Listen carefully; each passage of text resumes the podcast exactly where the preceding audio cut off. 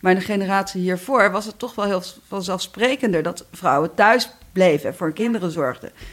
En nu hebben we eigenlijk veel meer keuze daarin. En dan gaat het er heel erg over dat we ehm, mogen leren welke keuze past bij ons. Wat, is de, welke, wat voor soort moederschap past bij ons? En wat is dan, wat heb je nodig voor jezelf? En wat vind je, wat is, wat, en, en wanneer ben jij dan juist die balans tussen, wanneer ben jij juist die goede moeder? En het gaat over, over je, jezelf. Of je nu voor het eerst of opnieuw moeder wordt, er verandert veel in deze fase. En juist daarom is het belangrijk om zowel goed geïnformeerd te zijn als op je intuïtie te durven vertrouwen. In Mama en de podcast ga ik, Nina Pierson, in gesprek met deskundigen op het gebied van zwangerschap, geboorte en kraamtijd, waarin het helemaal om jou draait. Want naast de geboorte van een baby wordt ook een moeder geboren. En dat is minstens zo wonderbaarlijk. Sterker nog, moeder worden verdient wat mij betreft een eigen werkwoord. Mama oftewel zorgen voor jezelf. En ik wil je samen met mijn gasten laten zien hoe enorm empowering dat kan zijn. Vandaag spreek ik met GZ-psycholoog Merit Cohen de Lara. Merit is mama van drie kinderen van 11, 12 en 14. En daarnaast werkt ze al 20 jaar als gevestigd psychologe en is oprichter en directeur van kennis- en verwijscentrum Psyche en Zwangerschap waarin ze zich richt op de zorg voor zwangere en pasbevallen vrouwen met lichte tot matige psychologische klachten en voor vrouwen met psychische klachten tijdens een fertiliteitstraject. Maar eerst nog wat over mijn founding partner Dermalogica. Wist je dat de huid s'nachts beter in staat is om actieve ingrediënten te absorberen? Je huid is druk bezig de mogelijke schade door afvalstoffen en de zon bijvoorbeeld van overdag te herstellen. De Sound Sleep Cocoon staat altijd op mijn nachtkastje, zodat ik nooit vergeet mijn gezicht dat extra beetje liefde te geven voordat ik ga slapen.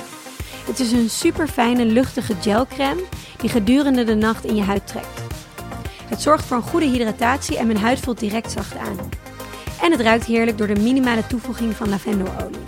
Ik ben altijd zelf een beetje voorzichtig met producten die lekker ruiken, omdat dat voor irritatie kan zorgen. Maar hier zit het in zo'n kleine hoeveelheid in dat je het met een gerust hart op kunt smeren. Ik word altijd helemaal rustig van die lavendelgeur.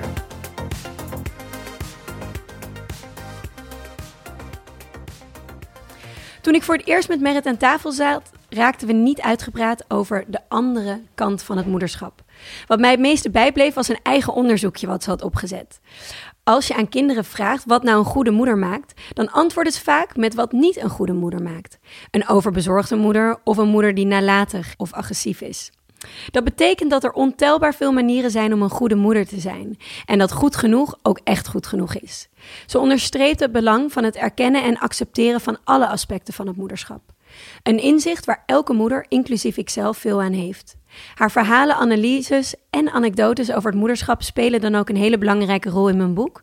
En sinds ons eerste gesprek grijp ik elke gelegenheid aan om haar te spreken.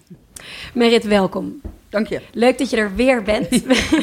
We hebben elkaar inmiddels al best wel vaak gezien op events en eh, met een Instagram live en nu dan met deze podcast. Nou, we gaan het vandaag uh, uh, over een heel interessant um, onderwerp hebben, namelijk eigenlijk de psychologische kant van het moeder worden um, in al haar facetten. Maar voordat we de diepte induiken, wil ik heel graag vier korte vragen aan je stellen. Of je deze zo kort en bondig mogelijk uh, kunt beantwoorden. Hoe zou je de geboorte omschrijven in één zin? De geboorte van een kind, intens. Als intens en heel bijzonder. Wat is het allerbelangrijkste om te weten over moeder worden? Dat het iets is van alle tijd. Dat we het al de hele mensheid doen. En, en wat helpt dat inzicht dan? Waarom is dat Nou, dat het dus niet... Uh, dat kennelijk we het al heel veel voorbeelden hebben... en dat het dus ook gewoon heel erg hoort, heel, iets heel normaals is. Het hoort gewoon... Uh, hè, moeder ja. zijn hoort gewoon bij, bij het leven. leven. Eigenlijk, ja. ja.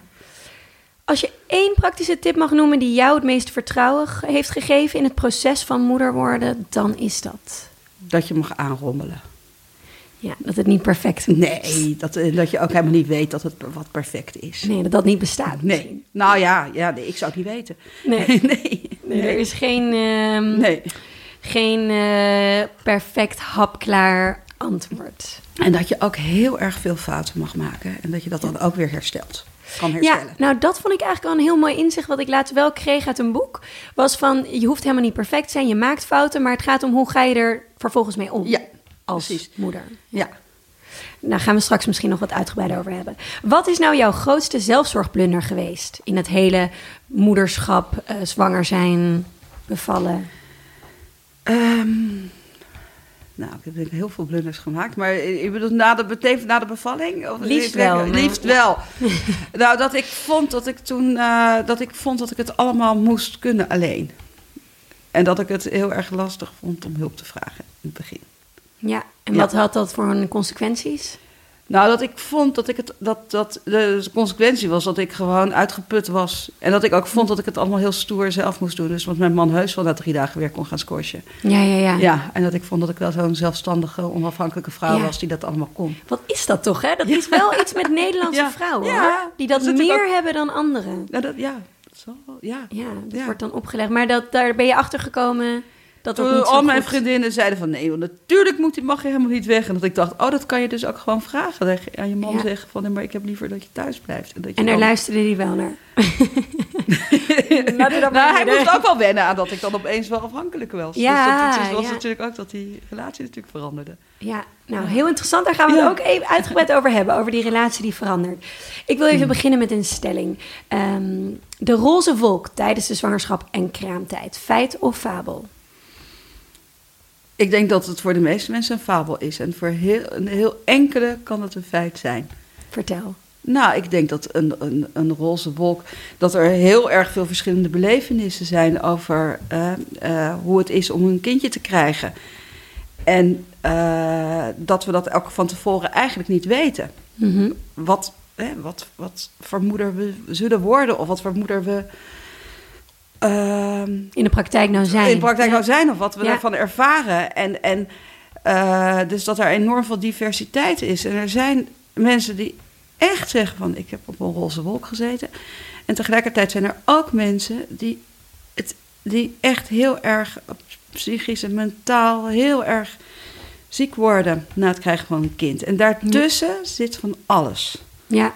Ja. ja, ik denk als ik het even op mezelf betrek, achteraf gezien eh, kun je wel zeggen een roze wolk. Maar in die roze wolk, ja, daar regent het ook af en toe keihard, toch? Ja, maar dat wordt dan weer niet gezegd als roze wolk. Hè? Een roze wolk, als ik kijk naar Is wat, wat mensen Valhalla. zeggen, dan Ja. is het alleen maar leuk en alleen maar schattig. En alles is even mooi. Dan hebben we echt het idee alsof we, Ja, het een soort eh, warme eh, dag is. eh, eerste warme dag in april en dan ma- maandenlang. Ja. Ja, ik had er ook laatst weer iets over. Nou, ik lees heel veel. Maar ik had laatst weer iets over gelezen. Vond ik wel een mooie analyse. Dat je hebt, zeg maar, het, het moederschap of het ouderschap. Of dus dan ook die roze wolk waar we het nu over hebben.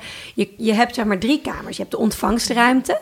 Eh, waar je je beste zelf laat zien. En dus ook waarschijnlijk de gesprekken die je met mensen hebt over de onderwerpen. Nou, dan, dan zet je je beste beentje voor. Ja. Maar daarnaast heeft iedereen ook nog twee kamers daarachter. Eén is echt je donkere kamer waar je angstig bent en twijfels hebt, ook soms boos wordt. En die andere kamer waar je intens gelukkig en misschien wat trotser bent dan je soms durft te laten merken. En wat er gebeurt is dat we onze eigen donkere kamer vaak vergelijken met de ontvangstruimte van anderen. Ja, dat is ik wel een mooie... Ja, hè? Toen Ja, dacht ik, oh ja, ja. dan snap ik hem wel van waar het dan Precies. vaak misgaat en waarom zoveel vrouwen zich die niet op een roze wolk zitten zo ontzettend alleen voelen. Van ben ik dan de enige? Ja, ja, en ook omdat het lijkt wel alsof het een soort must is. Dat, Mhm. je, dat, dat het een soort het streven is, dat je- of dat je eh, op die roze wolk moet zitten. Ja. En hoe, misschien ook voor sommige vrouwen die dan een, een heftige bevalling hebben gehad, of er wil alleen voor staan na de kraamzorg. Want ik denk dat, dat veel vrouwen weg, beredeneren het weg van ik moet me nu goed voelen. eh, Ja, ik mag me niet rot voelen, ik Ja. mag het niet zwaar hebben, of ik, mag, hè, of ik, ik eh, eh, eh, eh, mag niet vertellen hoe eh, heftig ik het vind om drie keer per nacht eh, op te. Ja. omdat ik slecht slaap en echt heel erg moe ben. En Mhm. dat ik daar best wel last van heb. Dat is voor veel vrouwen. ehm, dat ze denken dat als ze dat zeggen, dat ze het dan niet goed doen ja. als moeder. Of dat ze het dan niet, eh, als ze het niet leuk vinden, in periodes of momenten dat ze het niet leuk vinden. Ik kan me niet zo heel goed voorstellen wat er nou heel erg leuk is aan om vier uur s'nachts wakker worden. Terwijl je om twee uur s'nachts al wakker bent Was. geweest. En, en, en, hè, en misschien is het dan soms wel heel even heel magisch... zo s'nachts in het donker je kind voeden. Maar dat zijn ook natuurlijk heel erg momenten... Na, hè, als je dat dagen achter elkaar doet... dat dat niet leuk is. En dat je dat dan verwart met dat je dan niet genoeg van je kind houdt. Maar dat zijn twee Dat zijn- totaal losstaande Dat zijn dingen. twee hele losstaande dingen, maar het valt me wel vaak op. Ook vaak met, bij commentaren, hè, als je op social media kijkt en als dan iemand daar iets negatiefs zegt, of dat iemand zegt dat hij het zwaar heeft, dat er dan toch ook wel vaak negatieve commentaren op zijn. Van dat je dan niet dat mag vinden wat je vindt. Hmm. Komt dat ook door de, ja, die soort van maatschappij waarin we leven, waar toch altijd is, oh, gaat het ja goed? Dat het altijd goed moet gaan. Ga- Gaat het, als we even wat dieper kijken naar de manier waarop we tegen negatieve emoties aankijken, dat Ja. we die ook negatief vinden? Ja, want wel, hè, we zeggen dan bijvoorbeeld. eh, we hebben vier eh, basisemoties. Hè, daar worden we, daar worden ook, die zie je ook echt meteen al terug bij je baby. Dat is ook wel heel leuk om die, die manier Ja. te kijken. Dat is bang, boos, blij, bedroefd. Oké, en die vier emoties, die, zijn, die hebben we ook eigenlijk allemaal nodig om te overleven.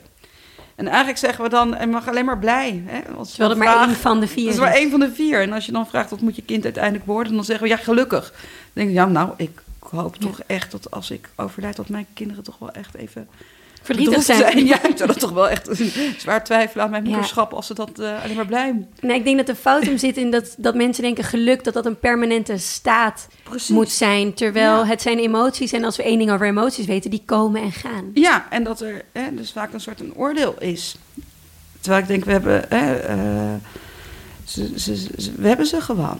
Maar het is wel ook moeilijk om oké te zijn met verdrietig zijn. Ik merk het ook aan mezelf. Of ook hoe ik als moeder ben bij mijn kinderen. Ik vind het hartstikke moeilijk om dan te denken: oh, ik, laat me, ik ben even oké met dat mijn kind boos is. Je bent natuurlijk zo snel geneigd. Misschien ook omdat we zo geprogrammeerd zijn om Ja. continu wel te denken: oh nee, maar het moet weer goed gaan. Of zo. Want, wa- wat maakt dat Ja. het goed moet gaan? Ja, dat is. Dat, als je die vraag stelt, dan heb ik daar ook niet meteen een antwoord op. Ja, omdat ongemak. Het is ongemakkelijk. Ja, maar wiens ongemak is het? Mijn. Ja. Ja. Ja, ik denk dat het, daar, hè, dat het daarover gaat. De vraag is... ehm, ja, ik, ik, ik denk altijd als zo'n kind in zo'n supermarkt heel erg boos is... Met, met boos laat hij eigenlijk merken wat hij wil. Ja. En boos is een, eh, is een soort... hè. Ja. En vervolgens gaat het over, mag hij boos zijn?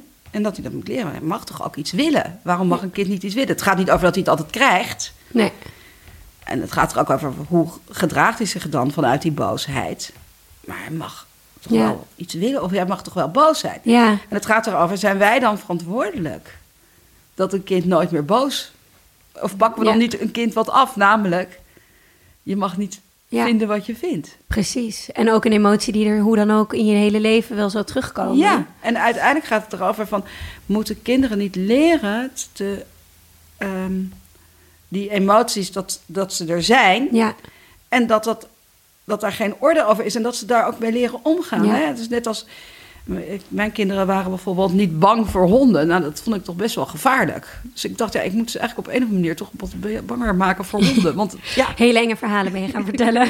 nou, heel eng verhaal, dat viel nog wel mee. Maar dat ik wel, ik moest echt leren. Ja. "Hey, jongens, je moet eerst Ja. vragen of je mag aaien en dan. ja. En, doen. en daar zit hem denk ik ook die crux in de kraamtijd. Als vrouw, je emoties kan je verder ook niet controleren. Als jij je gewoon ontzettend teleurgesteld voelt over je bevalling... Ja, dan is het enige wat je eigenlijk dan moet doen in die zin... is daar dat toelaten. En ja, zeggen van... moet toelaten is ook zo lastig. ja, daarom- dat is dan weer lastig, van, ik moet nu, mag weer, moet nu weer iets, nu moet ik weer. Het gaat erover dat als je heel erg moe bent, dat ons ratio wat afneemt. Hè? Dus de- dat wordt wat, wat, er komen wat gaten in. Dus dan komen die emoties sneller naar boven. Hè? Dat, is, dat is echt de functie. Hm. eh, eh, Waarom slaap zo belangrijk is. waarom slaap zo belangrijk ook is, is ook of- of- om ons een beetje stabiel te houden. Ja. Maar in het begin, na na bevalling, heb je gewoon weinig slaap. Dat is zo. Ja. Nou, en dat- Leuk, niet zo leuk feitje. Maar vrouwen in het eerste jaar na de geboorte van hun kind... hebben gemiddeld 700 uur minder slaap. Ja, ja, en dat niet slapen, dat doet wat met, iemand. En ja. dat doet wat met je. En daar worden we. En de ene kan daar ook weer. Er zit ook weer verschil. De een kan daar beter tegen dan de ander. Ja. En ook je. Soms kan je partner wat beter tegen weinig slaap dan jij. Of andersom. En dat is ook Mhm. wel goed om te weten. Maar niet slapen, dat is echt het mishandelmiddel Ja, mishandel. eh, dat het allerslechtste eh, wat ja, je kan ja. doen voor je En daar word je labiel van. En dan komen die emoties, die, die komen dan wat puurder naar boven. Ja, naar- en als je dan ook nog met de zweep erover gaat over jezelf van ik mag dat niet ervaren, dan is de cirkel. Ja, ja, en dan kan je daar echt last van krijgen. Ja. Eh, in het Engels heb je een woord voor moederwoorden. Ehm, dat noemen ze matrescence. Dat komt dan van adolescence. Eh, omdat er eigenlijk in geen enkele fase in je leven zoveel transformatie plaatsvindt als in de Ja. puberteit. En dan ook nog wanneer je eh, moeder wordt. Ehm, Alexandra Sachs eh, is een psych- psycholoog. Die heeft ook een boek geschreven, What No One Tells You. Ja. Eigenlijk dus ook over het onderwerp waar wij vandaag over spreken. Alle, het hele spectrum van emoties die je ervaart ehm, eh, in die transformatie Ja. naar het moederschap. Eén die zij benoemt is eh, de tweestrijd die je continu voelt. En dat schuldgevoel wat veel eh, moeders hebben. Is dat ook Ja. iets wat jij in je praktijk... En je bedoelt de tweestrijd over... Van ik wil dichtbij mijn baby zijn, maar eigenlijk wil ik ook mijn eigen leven nog hebben. Ik wil een volle dedicated moeder zijn, maar ik wil ook nog van mezelf blijven. Ja, dat is denk ik de eeuwige... Oeh. Zie jij dat veel eh, terug ook? Wat zie ik dat terug In je praktijk? Ja, tuurlijk zie ik dat terug. En het gaat ook heel erg over van. eh, ehm, en dat, dat is in deze tijd ook lastig, omdat we in die zin ervaren wat meer, omdat we veel meer keuzes hebben. Hè, vroeger, eh, nou, maar in de generatie hiervoor was het toch wel heel vanzelfsprekender dat vrouwen thuis bleven en voor hun Ja. kinderen zorgden. En nu hebben we eigenlijk veel meer keuze daarin. En dan gaat het er heel erg over dat we ehm, mogen leren welke keuze past bij ons. Wat, is de, hè, welke, wat voor soort moederschap past bij ons? En wat is dan, wat heb je nodig voor jezelf? En wat vind je, Ja. wat is, wat, en, en wanneer ben jij dan juist die balans tussen, wanneer ben jij juist die goede moeder? En het gaat over, over je, jezelf. Ja, Hè, je, ik, ik zeg altijd, ik ben heel blij dat ik in deze tijd leef. Want ik zou, ik ben eigenlijk, ik vind mezelf een leukere moeder, Mhm. ehm, omdat ik veel werk. ja. Ja, Ja. ik kan het ook bij mezelf, Ja. eh, van mezelf zeggen. En tegelijkertijd heb ik ook vriendinnen. Die de beste moeder die- zijn door er gewoon thuis ja, te zijn. Precies. Ja, En wat je natuurlijk eh, opvalt, is dat het heel lastig is. Want mag je de moeder zijn die je. En wat voor moeder ben je dan? En daar zit dan Mhm. weer geen leidraad in, want we hebben daar niet zo'n soort. Dus dat is best lastig om achter ja te om komen. achter te komen. Ik moet zeggen, ik moest er één kind voor oefenen. ik kwam er pas bij mijn tweede meer achter. En nog steeds ben ik aan het zoeken. Maar Ja. tot, tot het krijgen van mijn tweede had ik altijd het gevoel... ik wil thuis blijven, ik wil thuis blijven. Ik wil die huismoeder zijn. En nu, van, na de geboorte van Bodhi, Mm. voelde ik... nee, maar dat ben ik helemaal niet. En, en nu voel ik me ook veel minder schuldig ook. Ja, nou ja, en ik denk ook schuldgevoel, dat is een soort package deal. Met het moederschap, dat schuldgevoel hoort er, net als de angst dat ze doodgaan, dat hoort er erbij. Ja, Hè, en, en schuldgevoel gaat ook over de. Hè, dat, de vraag is dan, als je dat hebt, in plaats van te denken, dan moet ik dan meteen in. Ik doe niet genoeg, want dat zie je. Wij, doen, wij besteden, de, onze generatie eh, moeders besteedt significant meer tijd aan onze kinderen dan, Ja. De, dan de, de generatie van ja hoe werkt dat? onze moeder. Vertel, want dat is best wel... Want die waren thuis. Die waren thuis. Ja. En wij eh, eh, zijn gaan werken. Dus wij, de boodschappen die we wel hebben meegekregen van, van thuis is... moeders horen thuis te zitten. Terwijl eigenlijk als je kijkt naar de geschiedenis... is dat maar één generatie. Dat is namelijk de naoorlogse generatie Oh, ja. thuis heeft gezeten. Generaties daarvoor waren... Werkten. eh, nou, of ze hadden dienstmeisjes. Oh ja, ja, ja. Ja, die deden dat Ja, wow. echt helemaal ik was echt in de veronderstelling dat is al altijd, altijd waren vrouwen eigenlijk thuis. Nee, maar dat is pas, nee, dat is echt pas sinds de Tweede Wereldoorlog. Dus of ze waren. eh, Hm. Of ze hadden heel veel kinderen en moesten op het land, of ze moesten werken, of ze waren gewoon bezig met de huishouden. Het idee dat je, dat je met kinderen moest spelen als ouders. Ja. Dat, dat, dat. Dat is eigenlijk dus Eigenlijk was- ja. ja, ja, En-. Eh, Wij hebben- zijn dus wel opgevoed met de boodschap van een goede hè, een, moeder hoort. is aanwezig. Is thuis ik was zelf zijn. ook. Mijn moeder was ook thuis. Ja. En, en, Dus dat neem je eh, mee. Dus Ja. dat neem je mee. En tegelijkertijd is de boodschap van tegenwoordig... Hè, je mag, ik, ik, wij hebben wel gezien dat onze moeders later zijn gaan werken... en dat heel erg leuk vonden vaak. En dat heel veel goed heeft gedaan. Dus, en op, we zijn ook opgevoed met het idee van... Nou, zorg dat je zelfstandig bent economisch. En, eh, Ja, onafhankelijk. eh, onafhankelijk, een goede ja. meid, bereid... haar toekomst op tijd. Oh ja. Weet je, dat waren die slogans. Ja. Dus we zijn gaan werken, maar dat zien we nog heel erg als een soort verworvenheid. Mhm. En de boodschap is wel van, oh, maar je hoort thuis te zitten. En dat, Ja, dat maakt dat het maakt dat schuldgevoel. En het is natuurlijk heel, ben heel benieuwd hoe de volgende generatie, voor wie Ja. e- eigenlijk eh, werken, moeders vanzelfsprekend Ja. zijn, hoe die dan, of zij Ja. ook weer dat filter, of dat zij het veel Minder, denk ik. Minder Hoor. Ik denk dat wij eigenlijk in best wel een moeilijke generatie zitten nu. Nu dat je het zo schetst. Dat voor mij geeft dat wel meer inzicht of meer empath- compassie naar mezelf. Van, oh ja, het is niet zo makkelijk eigenlijk voor Nee. ons. Omdat wij zelf die weg moeten banen. Ja. En onze, Ja. en onze partners af. Ik noem ons altijd wel een beetje de, ik zeg dat een soort de broddellap-generatie. Een Soort, De wat? De De- broddellappen. Was oh, wat is vroeger... dat? Ja, dat is echt, ik vind het echt serieus. Ouderwets woord. Ja, dat is een ouderwets woord dat als je ging borduren, dan maakte je eerst een soort broddelap, een soort oefenlap. Oh, oh ja, oh ja, dat zijn wij. kon. En wij zijn een beetje die broddelap-generatie. Dus wij moeten het... En je kan dan dus denken van, ja, dus...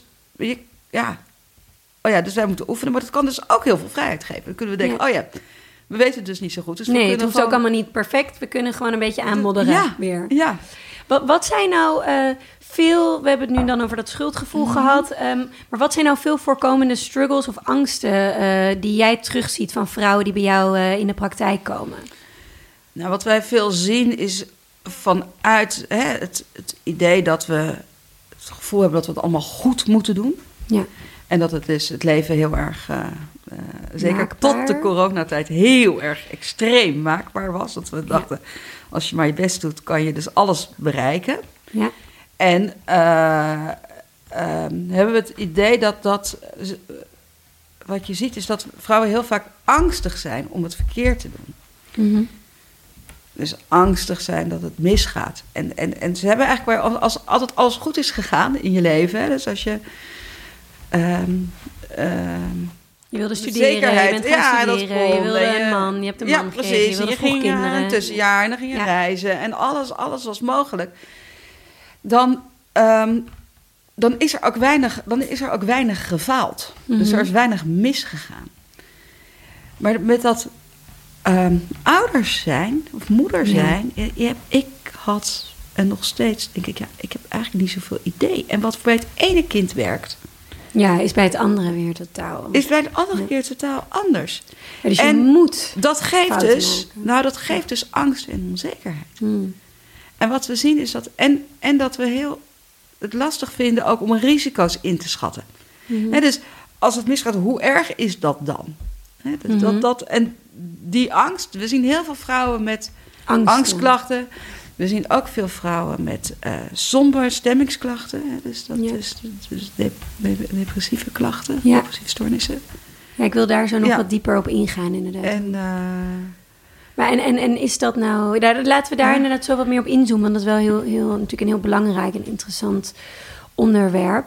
Ehm, maar eh, en, en inderdaad ook dat het nieuw is. Of dat vrouwen dan het misschien dachten, dat een ander beeld ervan hadden. Of dachten dan, oh, het moederschap is zo en zo. En dan bedrogen ja, van de ja. koude kermis thuiskomen. Ja, of, het gewoon, ja, of dat ze ook meteen denken van dat moet ik. Ik moet meteen dat helemaal dat moedergevoel hebben. Maar de vraag is, wat Ja, is dan precies. het moedergevoel? Ja. Hè, we weten, we, wat, ik ook, wat natuurlijk ook opvalt is, we, we werken natuurlijk allemaal eh, hard. En onze kinderen gaan naar de crash, over Mhm. het algemeen. En zeker in Amsterdam, in, in sommige steden zie je ook bijna geen ouders met kinderen buiten spelen. Of we hebben niet meer zulke buurtjes. Ja, En als je met. Vroeger zagen we natuurlijk, omdat we veel meer thuis waren, zagen we natuurlijk veel meer hoe andere, Andere ouders hun kinderen opvoeden. ja. En bezig waren met hun kinderen. En dat zien we, dus dat maakt ook onzeker. Dus we hebben het vaak over kinderen met vriendinnen. Mhm. Maar, we we, zien zien ze nooit. niet. Nee, Nee, en als nee, we ze zien, dan hebben we ze even voor de vorm even heel mooi aangekleed. Ja, ja en, En is het even op de koffie. Dat is Is totaal koffie? anders. Ja, dat is echt totaal anders. Is dat dan nu ook door corona? nou, ik moet zeggen, ik zie dus nu wel veel meer buurt, buurtjes Ja. en, en kinderen op straat en met Ja. de ouders. Eh, dat is dan denk ik een positief ding. Maar merk je ook dat juist door corona meer binnenblijven, minder eh, sociale contacten, dat ook de klachten, dat er meer klachten, vrouwen met klachten komen bij jullie? Heeft corona Ehm, daar invloed op gehad? Nee, we, we- corona heeft denk ik, eh, weet je, we, we- het is eigenlijk nog, het is zo kort, hè, dus het lijkt wel Ja. heel lang, maar het is zo kort dat het heel moeilijk is om nu is te te reflecteren. En relateren. wat we zien en wat ook de, eh, het World Health Organization ziet, Mhm. is dat, en daar maakt zich dat, dat het coronavirus, en zeker in het begin, maar nu nog, geeft gewoon wel heel veel spanning en onzekerheid. Ja. Hè? En, en, en kan ook grote gevolgen hebben opeens voor het leven van een zwangere vrouw, van een, van een stel. Hè? Mm. Qua, qua financiën, qua werk, qua. eh, eh, maar ook heel erg van eh, ja, dat, dat isolement wat er is. En om, ook dat er nog heel weinig over bekend is. Dus we zien wel en we verwachten ook wel dat dat veel stressklachten geeft. Ja. En ehm, waarvan weten we, dat stress, daarvan weten we nou echt dat dat negatieve effecten kan hebben Mhm. op een bevalling, Ja. op eh, het welzijn van de moeder en Ja. ook later ook op de ontwikkeling van een kind. Ja. Ja. En hè, om, nou, misschien wel interessant om te zien, om te weten dat om dat te voorkomen, hebben wij in, Amsterdam, en het wordt nu in meerdere steden eh, Uitgerold. uitgerold, communities, eh, eh, online communities georganiseerd, waarin vrouwen ehm, onder begeleiding van een verloskundige en een psycholoog hun angst en onzekerheden kunnen bespreken. Wat en ook goed. technieken kunnen krijgen om, met die spanning en, en angst en onzekerheid om te gaan. En dat zijn, dat is dus, Hoe heet het? dat zijn, eh, het heet communities. Het is echt. Het heet gewoon communities. Communities, ja. En dat zijn. eh, Zo eh, vind je het ook online ja, op de website communities.nl. Nee, je kan het vinden op www.psychezwangerschap.nl slash corona. Daar staat het. Maar als je communities en zwangerschap in, dan denk ik ook dat je het wel vindt. vindt. Ja. En in ieder geval in Amsterdam weten alle verloskundigen ervan en kraambureaus. En ehm, Dat eh, hoor ik namelijk heel vaak bij jou terug. Het altijd komt het toch neer op delen en praten met elkaar en voelen dat je niet alleen bent. Ja, dat want dat is natuurlijk ook wat dat coronavirus, dat vind ik er ook, dat lijkt mij ehm, zelf ook zo verdrietig. Hè? Want Mhm. normaal gesproken, als je zwanger bent, dan ben je natuurlijk heel erg eh, aan het, het koffie drinken en te, te Ja. bellen met vriendinnen. En je hebt natuurlijk al die zwangerschapscursussen Ja. en sportclubjes die eigenlijk ook heel belangrijk zijn in het voorbereiden op het moederschap en het Ja. delen van ervaringen en het omgaan, weet je, het, voorbe- het nieuwe. En ook daarna is het heel belangrijk dat je moeder bijvoorbeeld of een vriendin bij Ja, je langs kan komen helpt, en jou een beetje helpt, maar ook leert het voordoet. Nou, en dat zijn dus It allemaal takes dingen. a village to raise Ja. a child. Dat is natuurlijk Ja. niet voor niets een van de bekendste uitspraken. Precies, en dat is die wel waar wij, waar ja. wij eh, in de geboortezorg ons echt zorgen over maken. Ja, en hoe kan je dat dan dus met zo'n community daarop inhaken? Ja. Ehm, ja, en toch contact blijven onderhouden, al is het dan via FaceTime. FaceTime, ook weten dat, er, dat het risico besmetting ehm, voor kinderen heel erg klein is. En het ja. gelukkig en het gevaar ook heel erg Ja. klein. Dus ehm, hou weet je, een van de belangrijkste adviezen die wij hebben, hou je alsjeblieft aan de richtlijnen van de RIVM en maak ze niet voor jezelf Sterker. nog beperkter. Ja, nee, dat is een hele goeie. Ja, Nee, Ja. nee, dat moet je niet. Want ja, dat die anderhalf meter is super belangrijk. anderhalf meter, maar dan Ja. betekent wel dat je moeder, Ja. als ze geen ziekteverschijnselen heeft, Precies. geen raamvisite hoeft te doen. Nee, Maar gewoon bij jou thuis komen. mag komen. ja. Vind ik echt een belangrijke. hele belangrijke. En ik, Ja. ik, ik denk wel wat misschien, ja, in, maar dat, dat verschilt eh, per vrouw. Maar ik vond het in het begin heel moeilijk om visite buiten de deur te houden. Wat wat verder ging dan mijn beste vriendin en mijn moeder. Die wilde ik dan Ja. heel graag zien. Maar bij de rest vond ik het best wel moeilijk om nee te zeggen. Ja. Eh, en ik merkte ook dat het dan heel veel energie zoog. En dat mijn herstel ook weer langer duurde. Dus misschien kan je corona ook een beetje gebruiken. Nee, is Om dan te zeggen, nee jongens, eh, we houden nu even mensen buiten de deur. Die eh, alleen zomaar Ja, strikt noodzakelijk. nee, er zitten ook heel veel voordelen Toch? aan. Ja. Er zitten ook voordelen aan corona. En dat wordt ook vaak genoemd. Ja, van er is veel meer rust, er Ja. is veel meer eh, de vader, vader. de partner, die nu ook natuurlijk thuis is. Ja, die hechting, had ik in de eerste podcast ook met eh, Tessa Rozenboom over hoe belangrijk de hechting in de eerste weken is. ja. En dus nee, ook dat de het is heel fijn dat die vader er nu is. En, en tegelijkertijd mag die vader ook wel dan een keertje hardlopen. Oh, en oh ja, dat ook. Eh, we gaan het straks even over die, die relatie hebben. Ja. Maar eerst, ehm, wat is nou precies een postnatale depressie? En, eh, want ik denk, die Ja. cijfers, daar schrok ik wel een beetje van. Hoeveel vrouwen eh, daar in Nederland aan, aan lijden. Ja, dat zijn... Is dat nou, was het nou 20 procent? Ja, dus één op de acht vrouwen... 1 op de 8. heeft een postnatale depressie. En we spreken over een postnatale depressie. Die kan optreden op twee momenten. Die is die is een soort piek vrij snel na eh, eh, bevalling? bevalling. En dan zien we nog een piek na ongeveer vier maanden. Nou, Oké. na tien, tien tot twaalf weken. Dus als vrouwen eigenlijk weer aan het werk moeten. En dan Ja. gaat het soms over hoe... Ja, of dat de vermoeidheid zich heel erg heeft opgestapeld. Of dat Ja. ze heel erg eh, opzien ook om weer... eh, Nou, ik kreeg wel nog meer stress van die slapeloze nachten, omdat ik wist, oh, ik moet morgen op werk zijn. En Ja. beter presteren. Dus je, je, ik ging mezelf wel wat meer zo. Maar goed, ja. ik denk dat het heel belangrijk is. Er is natuurlijk een heel groot verschil tussen de baby blues en Ja, die, dat is een enorm die hormonen. verschil. Ja, toch? Maar hoe herken je dat verschil? Wanneer? Nou, dat is... In die zin is het... eh, Het grootste verschil is met een babyblues. Een babyblues gaat na een dag wel weer over. En een postnatale depressie gaat niet na een dag over. Dat heb je eigenlijk Permanent. Permanent. En eh, met name... Ja, eh, eh, permanent. En je hebt... ehm, vaak is het dat je die sombere stemming... Hè, je moet ook Mhm. aan een paar kenmerken voldoen om het te hebben. Hè. Dus het gaat heel erg over dat je een sombere stemming hebt. Hè. Continu. Continu. Ja. Ja, en het hoeft niet continu hetzelfde te zijn. Het kan echt wel een beetje fluctueren. Pieken, ja. Ehm, maar ook dat je nergens meer plezier aan ontleent. Hè, dus dat Mhm. is dan ook als je gewoon ook echt niet van je baby kan genieten. Als je er echt geen binding bij voelt. Of dat je alleen maar... Hè, dus dat, dat of Mhm. helemaal niet van dit leven. Dat je alleen maar denkt, ik wil weg. Of mijn baby moet weg. Weet je, dat, Ja. dat, dat, dat, dat kan Dat een ook hele kenmerken ja. zijn. Maar ehm, piekeren, Mhm. niet kunnen stoppen met malen, hè, dat horen we dan ook. Niet kunnen slapen, terwijl je eigenlijk heel moe bent. Ook niet tot rust Mm. kunnen komen. Dus zelfs als je baby slaapt, eh, dan ook zelf niet meer kunnen. Niet meer tot rust kunnen komen. Echt, maar dat beschrijven veel vrouwen altijd van... ik voel me de hele tijd een soort gejaagd. Mm. En ik kom gewoon niet tot rust. Eh, en wat je ook vaak ziet, is die concentratieproblemen. Maar die hebben alle zwangere, Ja. vastbevallen vrouwen. Dus dat is best wel lastig, sommige Ja. dingen. Ehm, prikkel, hè? snel overprikkeld raken. Snel geagiteerd, geïrriteerd ook raken. Dat kan je ook wel redelijk last. Dat merkte ik zelf. Ik stond Ja. heel erg open in de kraamtijd. Eh, veel gevoeliger voor harde geluiden. Ik, Ja. ik wilde uit Amsterdam verhuizen, maar ook die tram, dat geluid van die tram ineens niet meer aankon. Nee, dus dat Dus is ook best wel lastig. Het is een combinatie. Ja. combinatie. En, en het is ook, eh, vaak, zijn, van, vaak kan ook de omgeving, je partner echt wel signaleren dat hij denkt, Mm. het gaat niet goed.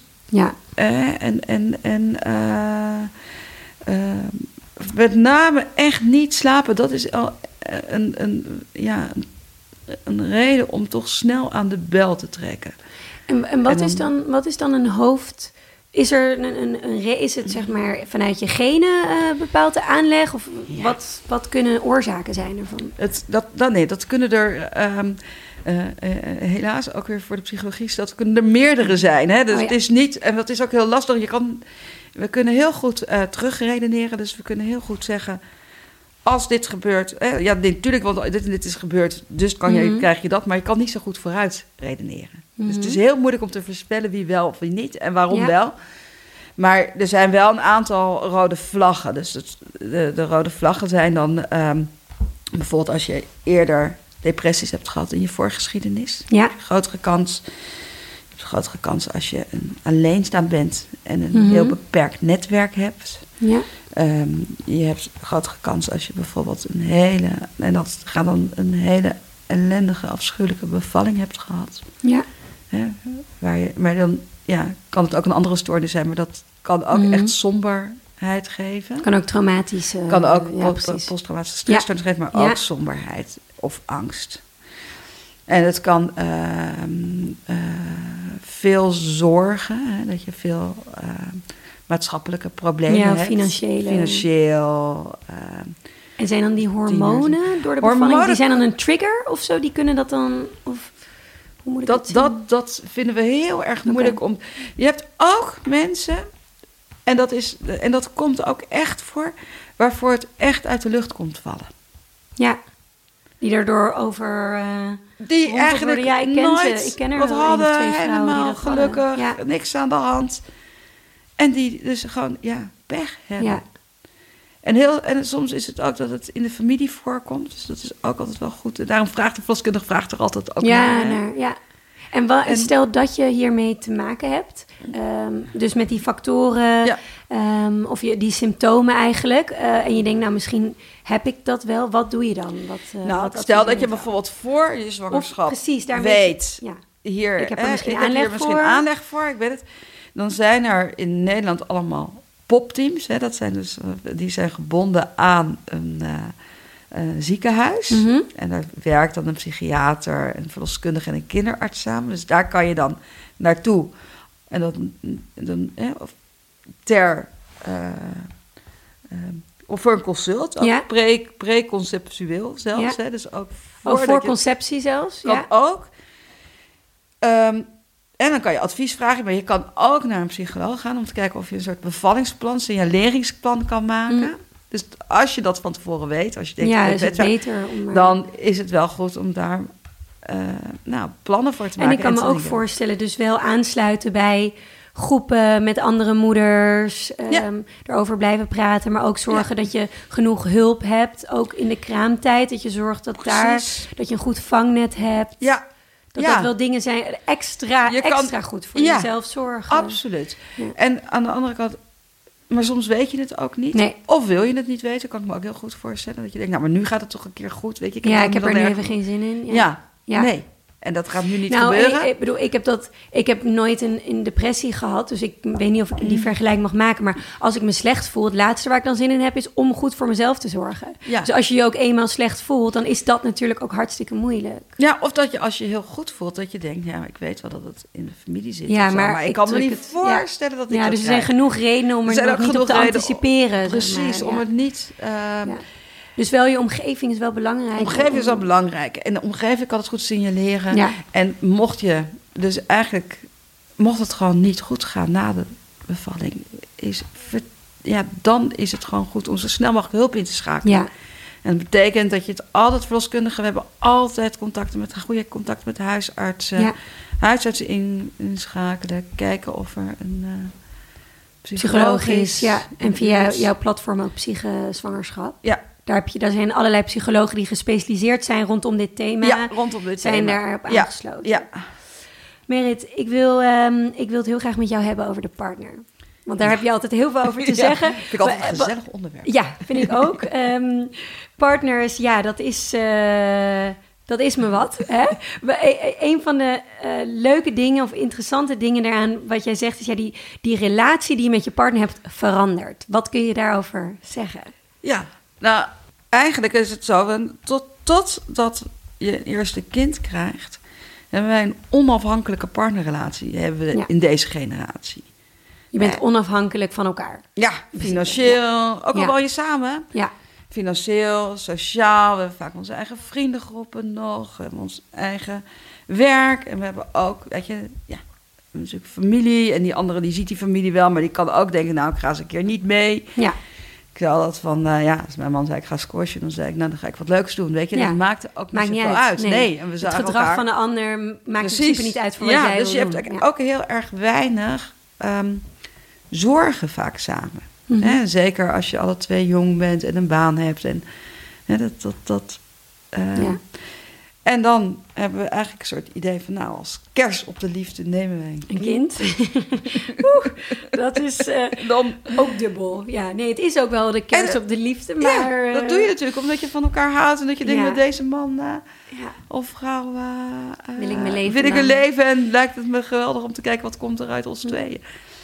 Alleen op het moment dat je ehm, zwanger wordt, begint eigenlijk al de eerste ongelijkheid. Mhm. Want ik zeg altijd op het moment dat een vrouw zwanger wordt, schuiven die hersenen een stukje op, komt er een kind, wordt erin geplaatst. ja. En gaan, worden vrouwen, die worden eigenlijk al meteen moeder. Want Ja. we moeten ook meteen rekening houden in ons leven met het kind. Ja. We mogen, eh, Ja, we mogen niks alcohol, meer eten, we hebben ja. alcohol, we zijn moe en misselijk. Dus eigenlijk is, ja, begint dat meteen. Mhm. Die mannen, die hebben gewoon eigenlijk alleen maar last van die vrouw. Ja. Maandenlang. ja. Ja, ja. en die leven wel mee, maar die Ja. hebben niet die fysieke Krijg een beetje hormoonschommelingen ook, hè? Ja, Zijn sommige er, mannen ja. krijgen een beetje hormoonschommelingen en dat klopt. En dat is ook heel fijn en goed. Maar, ja. Maar het is niet het zo dat ze niet meer de kroeg in kunnen. Nee. En, en, en, en, en eh, ja, dus er vindt een verschuiving plaats in de, de verhouding. daar vindt een verschuiving plaats. Nou, die verschuiving, die. die, die ehm, en wat je dan ziet, is dat eh, langzamerhand als een vrouw, dat is natuurlijk heel natuurlijk, die gaat zich steeds meer naar binnen richten. Hè? Gewoon, Mhm. die wordt trager, letterlijk, ook Ja. gedurende als ze zwaarder wordt. En dan krijgt ze een nesteldrang. Dat is eigenlijk ook heel goed, want daarmee gaat ze tijd en ruimte maken voor het kind. Ja, En haar taak, de taak van een vrouw, is evolutionair gezien te zorgen dat dat kind in leven kan Mhm. blijven. Vroeger had je niet poedermelk. Nee. Dus dan moest de vrouw dat Ja. doen. De taak van een man was om te zorgen, van oudsher gezien, om die vrouw in leven te houden. Zodat zij Ja, voor zijn kind kon zorgen. Nou, dan ging, vroeger ging dan de man moest dan op jacht. En Mhm. tegenwoordig moet hij dan naar de Albert Heijn. ja. Dus wat je heel vaak ziet, is dat zo'n vrouw... die eh, doet hij ook niet altijd.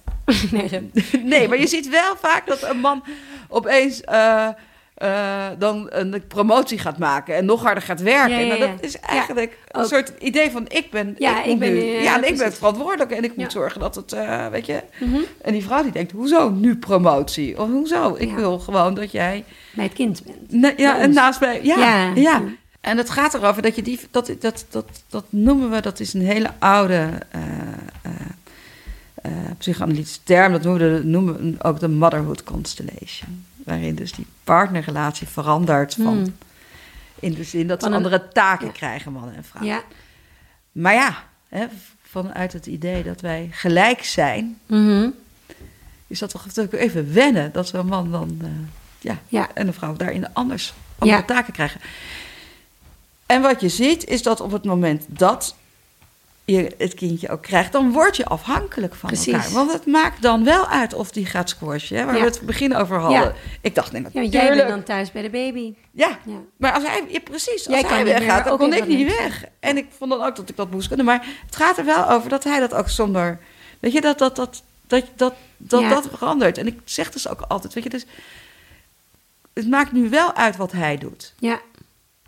Ja, en daar heb je dan ook ineens wel wat over te zeggen. En dat is natuurlijk ook moeilijk. Dat is ook moeilijk. En het vraag is, in hoeverre heb je daar dan wat, Wel wat en over te zeggen. Nou, en Nou, je moet moet je daar... eh, nou, en kan je daar, moet je het daar niet gewoon over hebben? Wat verwacht je van elkaar? Ik zeg altijd Ja. tegen die man, zeg nou gewoon...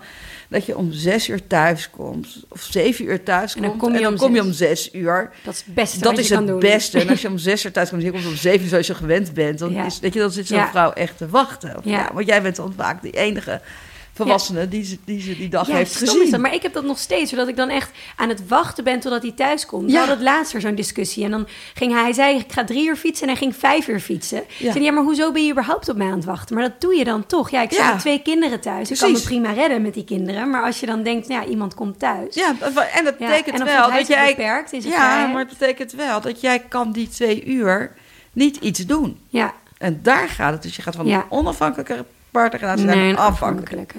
Ja. Ja. Waarin je ook veel meer verantwoordelijkheden... Want het, weet je, nu is geld wel een issue. Ja. Ja, Ja. want je moet toch zorgen dat je kunnen wonen.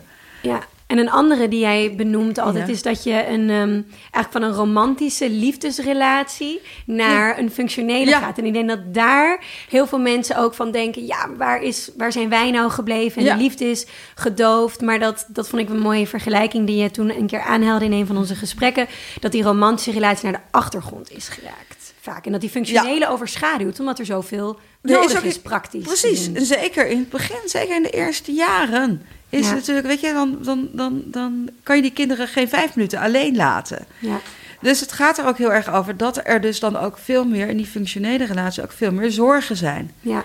En, en, en dat je elkaar ehm, heel erg nodig hebt in die Mhm. tijd. Maar dat het dus niet heel sexy of spannend is, Nee. die, die functionele relatie. Nee, nee, en je gaat natuurlijk je, je man, je liefdespartner, ga je zien als vader. En dat doet je misschien ook onbewust herinneren aan jouw eigen vader. Hoe hij, zeg maar...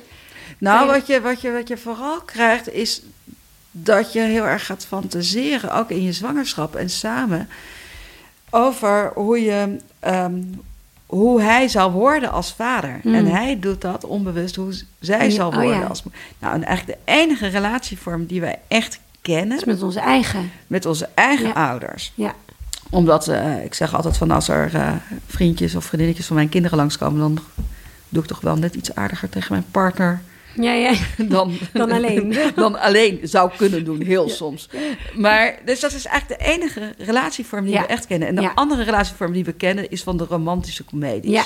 Oh, Ja, god, ja. maar die eindigen altijd bij de, eer- ja, maar die eindigen eindigen altijd bij de eerste seizoen, toch? bij het Ja. begin. Ja, dus alle andere Ja. relaties, alle, alle films over relaties, Nee, totaal vertekend. die zijn altijd in de cat- categorie drama. Ja. Eh, maar wat je dus ziet, is dat dus heel erg veel van die boodschappen die je hebt meegekregen van wat is. Hè, Hmm. Die komen dus van vroeger. Daar zijn heel veel van je eigen verwachtingen op gebaseerd. Dus als je bijvoorbeeld op bent gegroeid door alleen je moeder, Mhm. dan is het wel, dan, dan is het wel belangrijk om te weten wat verwacht je dan van hem als vader. Ja, Of als je ja verwacht je misschien veel minder dan wat hij zou willen, bijvoorbeeld. Ja, of juist Ja. veel meer. Ja, Ja, ja. ja. want grappig. Eh, mijn man is, eh, grotendeels heeft zijn moeder het alleen gedaan. Dus ik merk ook wel dat hij van mij ook wel een mate van onafhankelijkheid van hem verwacht. Dus dat is heel interessant. Dus Ja. zeg maar, hij is door zijn moeder, heeft grotendeels hem alleen eh, opgevoed met, met broer en zus. Maar toch onbewust ergens merk ik dat hij er ook wel heel erg van mij verwacht dat ik en... Dat je bepaal- allemaal wel kan. Ja, precies. precies. En dat ik ook niet over moet zeuren. Nee, Weet je, van- nee, en dat is dus. Terwijl als jij eh, gewend bent vanuit een relatie waarin een, een, een, een vader eigenlijk ehm, ehm, ook verantwoordelijk was voor een deel van de opvoeding, Ja. kunnen daardoor heel veel misverstanden ontstaan. Ja, ja, ja. Heel Ja. interessant. Ja, en het is, dat is echt soms ook heel erg leuk. Ik geef daar dan ook wel eh, een soort workshops in. Van Ja. eh, hoe ga je, hoe leer je elkaar kennen dan? Ja, met bepaalde vragen die je ook aan elkaar kan stellen. ja.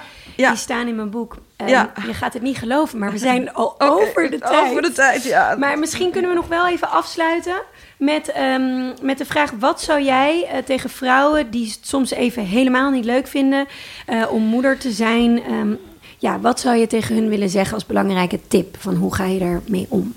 Nou, Dat is een goede uitsmijter. Door heel hard tegen kinderen te roepen dat het. Of niet te roepen hoor. Nee, misschien.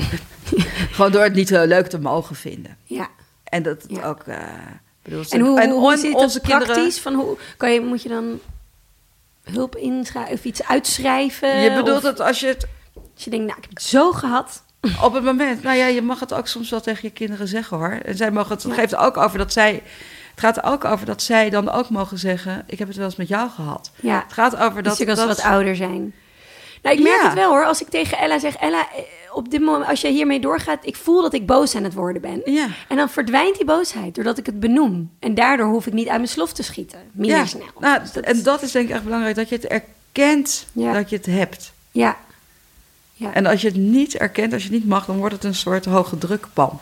Ja. Gaan die gevoelens Die in zitten. Ja. uiteindelijk. Of een vulkaan. ja, en ook met vriendinnen belangrijk om te bespreken de andere kant van het moederschap. Want anders denk je, en dat is wat, er heel veel, wat ik heel veel van cliënten hoor, Mm. is dat zij dan denken dat de anderen het wel allemaal kunnen, omdat ze nooit klagen over Ja. het moederschap. Ja. Ja, dus delen en eerlijk zijn. Delen en voor eerlijk zijn, ja. Nou, super bedankt voor dit hele leuke gesprek. Dankjewel. Nou. Dank